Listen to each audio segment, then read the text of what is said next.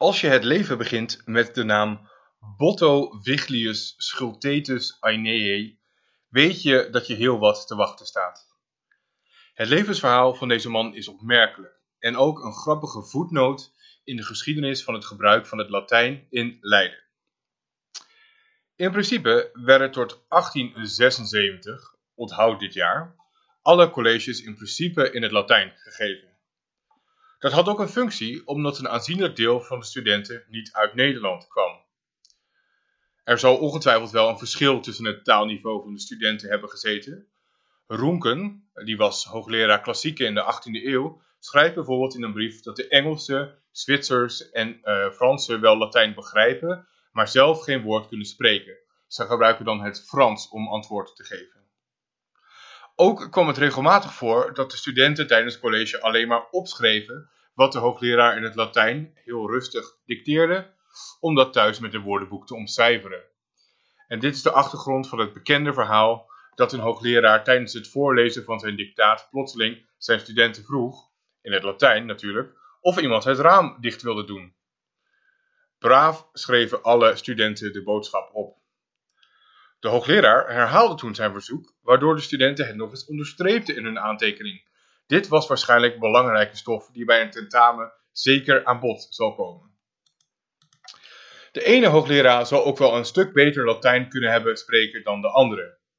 De hoogleraar geneeskunde, Makkelijn, eerste helft van de 19e eeuw, schijnt gezegd te hebben dat niemand echt Latijn spreekt die niet tegen zijn knecht kan zeggen Johan, loop eens als de bliksem naar de vismarkt en haal mij een Jacobszalmpje, maar zorg dat het goed krimp is, of wee uw gebeente. Niet al zijn collega's zullen het hem na kunnen doen, hebben kunnen doen, en in de loop van de 19e eeuw werd er dan op verschillende manieren ook de hand gelicht met de eis om in het Latijn les te geven.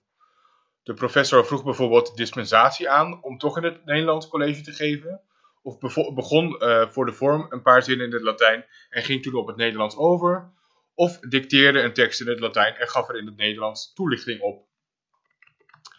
Logischerwijs waren het de klassici en de hoogleraren uh, Romeins recht die het college geven in het Latijn het langst volhielden en er ook het best in waren. Cobbets vermogen om in het Latijn te spreken was vermaard. En zelfs in de laatste dagen van zijn leven hield hij in zijn bed, op de momenten dat hij half bij bewustzijn was, een Latijnse rede waarin hij studenten op het hart droeg vooral hun best te doen. Maar ook niet elke klassicus was een natuurtalent in het actieve Latijn. Het is bijvoorbeeld bekend dat de eerder genoemde Roenken eigenlijk helemaal niet zo heel vloeiend Latijn sprak, terwijl zijn stijl in het geschreven Latijn door de kenners als geniaal wordt gezien. Nu terug naar onze man, Botto Viglius Schultetus Aeneae. Hij werd in 1845 in de Sint-Jacobi-parochie in Friesland geboren als zoon van een arts. Hij moest van zijn uh, vader geneeskunde studeren, maar zijn hart lag bij de klassieken, waardoor hij bij zijn vrienden in Leiden de bijnaam de Griek krijgt. Naast zijn artsenstudie volgde hij ook college bij Cobbett en raakte onder zijn bekoring. Daar neemt hij ook wel de tijd voor, want hij zou 15 jaar studeren. En mede daardoor misschien raakte hij ook in de schulden. De deurwaarders waren in de tijd alleen s ochtends actief en hij lost het probleem dan ook op door in de middag, tot, tot in de middag in zijn bed te blijven liggen. Sowieso lijkt hij geen man te zijn geweest die zich bij de zaken neerlegt. En we vinden in 1872 dan ook bijvoorbeeld een advertentie, eh, die hij waarschijnlijk op zijn eigen kosten heeft laten drukken, in het Leids Dagblad met de volgende tekst. Waarschuwing.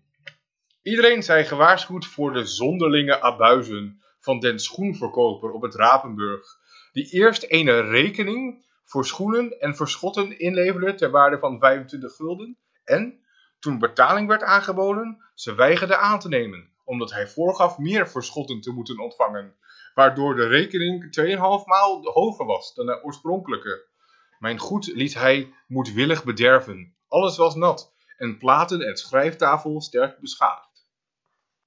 Op een gegeven moment moesten door de onderwijsveranderingen in 1876 alle promotie in spe voor een bepaalde datum gepromoveerd zijn, of ze zouden helemaal opnieuw moeten beginnen. Dat lukt onze man, maar zijn dissertatie heeft, net zoals weinig andere, veel andere uit deze tijd, weinig op het lijf.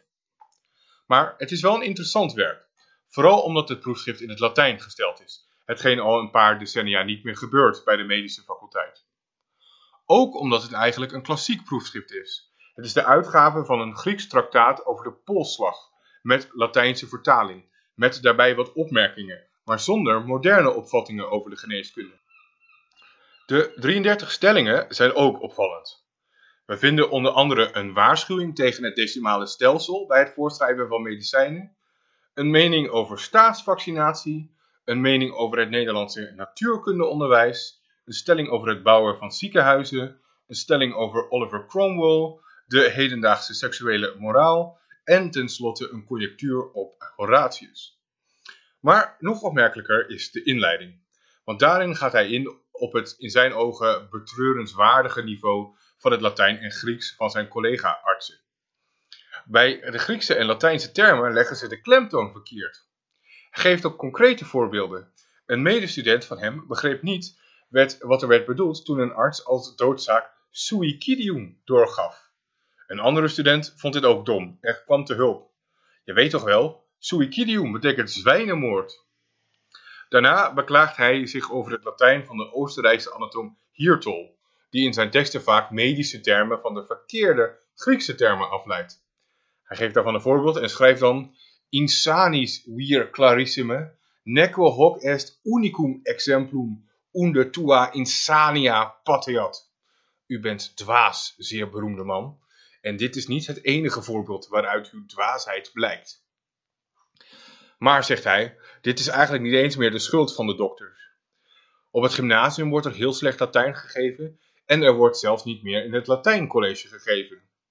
Sinds de oprichting van de HBS in 1863 mogen zelfs niet-gymnasiasten geneeskunde studeren. Oké, gaat hij door. Je mag dan wel als HBS'er niet promoveren in de geneeskunde. Dat zou inderdaad pas in 1918 toegestaan zijn. Maar je kunt wel je artsexamen in uh, Nederland halen en dan in Duitsland je bul kopen en dan terugkeren naar Nederland. Dat zou niet meer moeten kunnen, al, dus onze man. Waarom is het dan nodig dat uh, artsen Latijn kennen? Nou, zegt hij, omdat in de oudheid en later, en dan noemt hij expliciet uh, Boerhaven, veel medische teksten geschreven zijn die in het Latijn staan en nooit vertaald zijn. En daarnaast heeft de patiënt meer vertrouwen in de arts als deze Latijn spreekt. En is het goed voor zijn of haar zielenrust als de arts de Latijnse term gebruikt voor een ziekte en de medicijnen die daarvoor nodig zijn, zodat de patiënt zelf niet weet wat er aan de hand is. Zo gaat het nog een tijdje door. De introductie is 33 pagina's en daarmee net zo lang als het proefschrift zelf. Wat er precies gebeurd is tijdens de verdediging van het proefschrift zullen we nooit weten.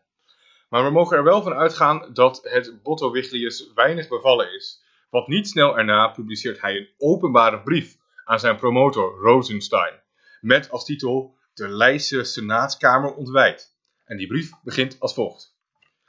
Hooggeleerde heer, het is de gewoonte niet dat de gepromoveerde na zijn promotie tot zijn promotor een schrijven richt, waarin het gedrag des hoogleraars bij die plechtigheid wordt besproken.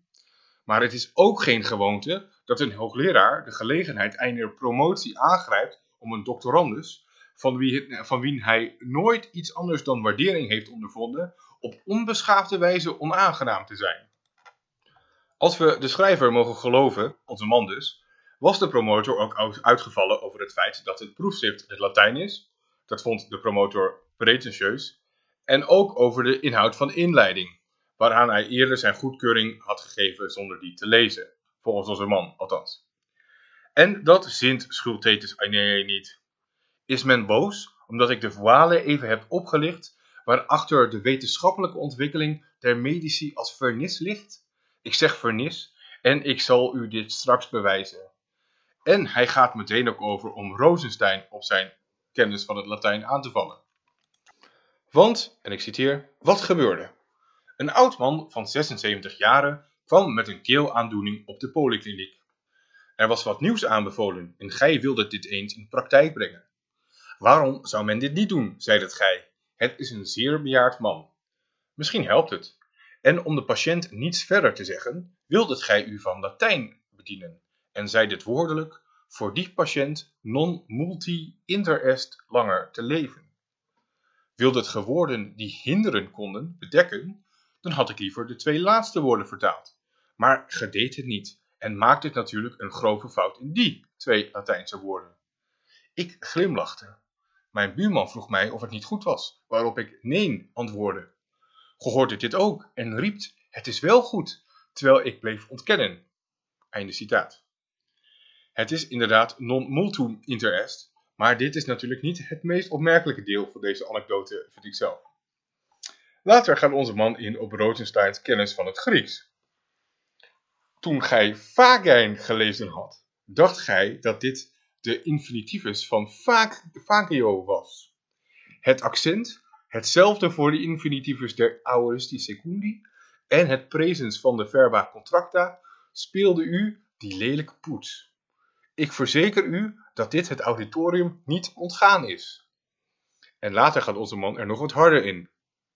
Hadden de schilderijen van een Valkenaar en Roemkenius levende personen kunnen worden, ze zouden u met hun zwaarte hebben verpletterd, omdat gij het gedurfd hebt daar niet alleen de grootste onzin te onderschrijven, maar ook nog te willen verdedigen.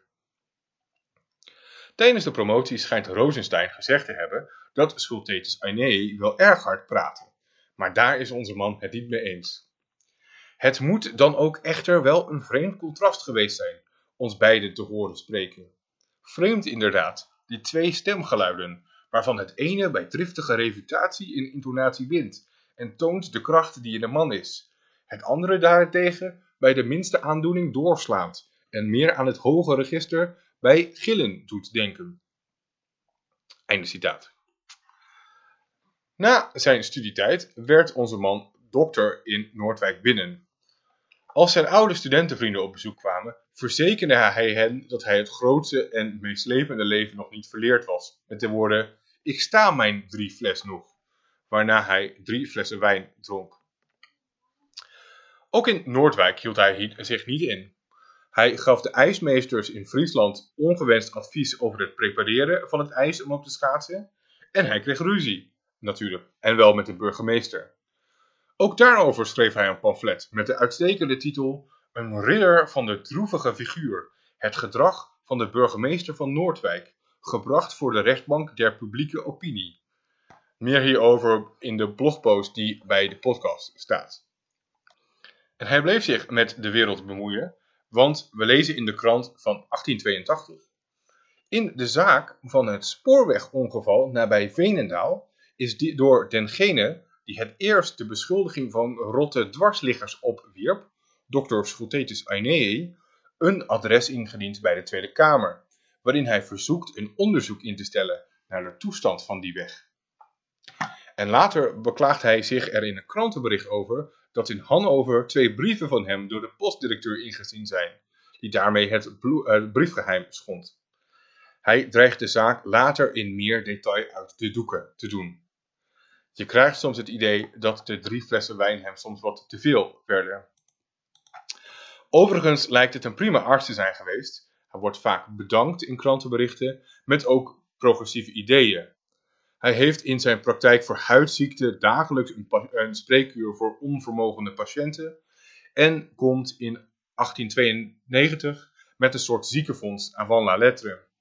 Daar krijgt hij natuurlijk ook ruzie en het is waarschijnlijk genoeg om iemand te citeren die antwoordt op een open brief van onze man in de krant. Hij zegt: Ik laat de woorden lafhartig, onridderlijk, immoreel, vuil, verraderlijk, knoeiend enzovoort, alle voor rekening van dokter Ainee en bepaal mij tot een korte opsomming van feiten. In 1906 sterft onze man, 61 jaar, na lange ziekte in Den Haag. Volgende week kijken we hoe Leidse klassici omgaan met andere grote veranderingen uit deze periode. Tot dan. Música